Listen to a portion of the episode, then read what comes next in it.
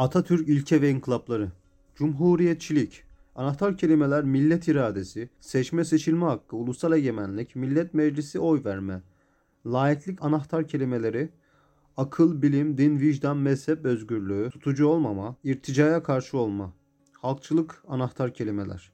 Eşitlik, sosyal adalet, kanun üstünlüğü, halkın refah ve huzuru, toplumsal dayanışma, sosyal devlet olgusu.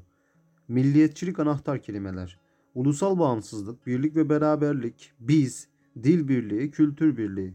Devletçilik. Devlet planlaması, devlet yatırımları, milli kalkınma, ekonomik refah seviyesi, milli bankacılık, sermaye.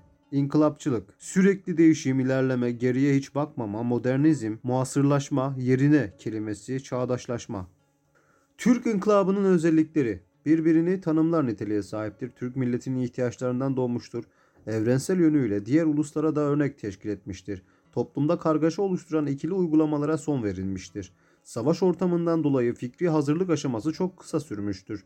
Laiklik ulusal demokratik özelliklere sahiptir. Fikri ortaya koyanlar ile süreci yürütenler aynı kadrolardır. Tavandan tabana doğru bir süreç yaşanmıştır. Belli bir ideolojinin ürünü değildir. Hedefleri ise Batı medeniyetleriyle bütünleşmeyi sağlamak, ulus devlet anlayışını güçlendirmek, laik anlayışı yönetim, sosyal, kültürel, eğitim, hukuk alanlarında etkin kılmak, ikili uygulamalara son vererek ülke içi birliği sağlamak, akılcı düşünmeyi etkin kılmak, kaynaşmış ayrıcalıklı sınıfları olmayan bir toplum oluşturmak, milli egemenliğe dayalı demokratik bir yönetim oluşturmak ve milli bağımsızlığı korumak. Siyasi inkılaplar ve iç politika gelişmeleri.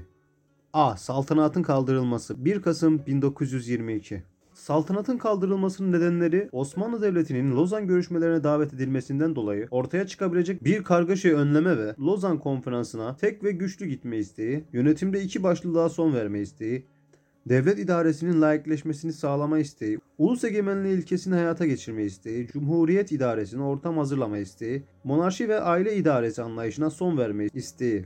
Gelişmeler Lozan Konferansı öncesinde görüşmelerle ilgili davet alan Tevfik Paşa hükümetinin hazırlıklara başlaması Mustafa Kemal'i harekete geçirmiştir. Meclis Genel Kurulu'na getirilen saltanatın varlığına son verilmesi konusu meclis içinde tartışmalara yol açmıştır. Fakat birçok vekilin oyu ile saltanatın kaldırılmasına karar verilmiştir. Saltanat idaresine son verilmesi üzerine son Osmanlı padişahı Vahdettin yurt dışına çıkarılmış ve Tevfik Paşa hükümetine son verilmiştir. Ancak bir sorun vardı ki İngilizlerin denetimine giren Vahdettin halen elinde İslam dünyası liderliğinin nişanı olan halifeliği bulundurmaktaydı. İngiltere'nin halifeliğin kendilerine sığındığı Müslümanların koruyucusunun bundan böyle İngiltere olduğu şeklinde propaganda yapmasını, halifelik makamını kullanmasını engellemek amacıyla Osmanlı ailesinden gelen Abdülmecid Efendi TBMM tarafından halife seçilmiş ve böylece İngiltere'nin oyununu bozmuştur. Sonucunda ise devletin layıkleşmesi yolunda ilk ciddi adım atılmıştır. Osmanlı Devleti'nin resmi olarak varlığı son bulmuştur. Türk milletinin tek temsilcisinin TBMM olduğu ortaya konmuştur. Ulusal egemenliğin gerçekleştirilmesi yolunda önemli bir adım atılmıştır. Rejim ve devlet başkanlığı sorunları ortaya çıkmış, bu durum Cumhuriyet'in ilanını hızlandırmıştır. Ankara'nın başkent olması 13 Ekim 1923. Lozan Barış Anlaşması'nın 2. TBMM tarafından onaylanmasından sonra Osmanlı başkenti İstanbul'un 6 Ekim 1923'te İtilaf kuvvetleri tarafından boşaltılması tamamlanmıştır. İtilaf devletlerinin İstanbul'dan ayrılması gündeme hükümet merkezi sorunu getirmiştir. İsmet Paşa Ankara'nın başkent oluşunu öngören önergeyi 9 Ekim 1923'te 14 arkadaşıyla birlikte TBMM'ye vermiştir. 13 Ekim 1923'te TBMM'de kabul edilen tek maddelik bir yasayla Ankara yeni devlet başkenti olmuş ve böylece Osmanlı Devleti merkezinin İstanbul olacağı yolundaki çekişmelere son verildiği gibi Cumhuriyetin ilanı içinde bir adım daha atılmıştır. Cumhuriyetin ilanı 29 Ekim 1923 Nedenleri Ulusu tek egemen güç haline getirmek, devlet başkanlığı ve rejim tartışmalarına son vermek, Ekim bunalımı olarak da bilinen hükümet bunalımını atlatmak. Hükümet bunalımı meselesi. Bu konuda sıkıntı yaşanmasında en temel neden mevcut hükümet oluşturma sistemidir. Birinci TBMM'de hükümet oluşturmak için uygulanan sistem meclis hükümet sistemiydi. Bu sistemde bakanlar meclis içinden ve meclis tarafından tek tek oylanarak belirlenirdi.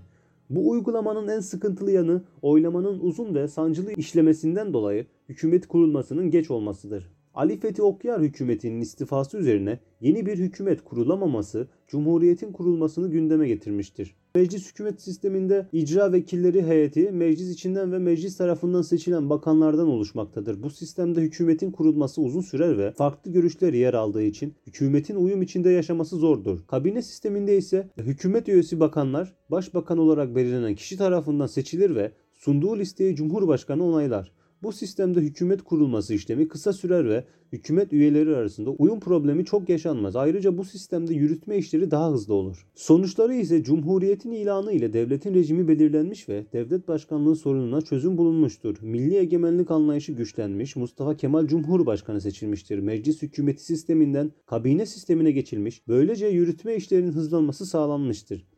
İsmet İnönü başbakan seçilerek ilk kabineyi kurmuş ve Ali Fethi Okyar da meclis başkanı seçilmiştir. Halifeliğin kaldırılmasına ve diğer inkılapların gerçekleştirilmesine ortam hazırlamıştır. 1921 Teşkilat-ı Esasiye'de bazı değişiklikler yapılmıştır. Türkiye Devleti'nin ilk Cumhurbaşkanı Mustafa Kemal, ilk Başbakanı İsmet Paşa, ilk Meclis Başkanı Ali Fethi Okyar'dır.